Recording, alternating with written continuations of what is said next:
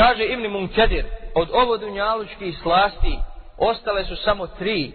Noćni namaz, susret s braćom i namaz u džematu.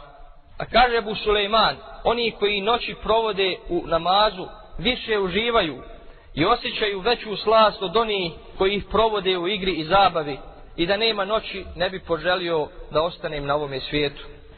Ovako su se prve generacije muslimana odnosile prema noćnom namazu i odnosile se prema onome i prema ovome svijetu, a mi treba da se zapitamo, draga braćo, gdje smo mi od njih i koliko mi pazimo na naša srca, koliko mi oživljavamo naša srca, da li više ulažemo da odgajamo naše tijelo ili naše tijela i da ih održavamo u životu, da li više ulažemo nego što ulažemo na oživljavanju naših srca.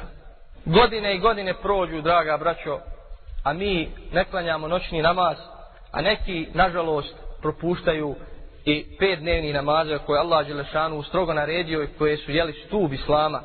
Na nas se može odnositi hadis od Ibn Masuda kada je rekao, kada je neko je spomenuo jednog čovjeka u prisutstvu Allahu poslanika sallallahu alaihi sallam i rekao da dotični spava cijelu noć.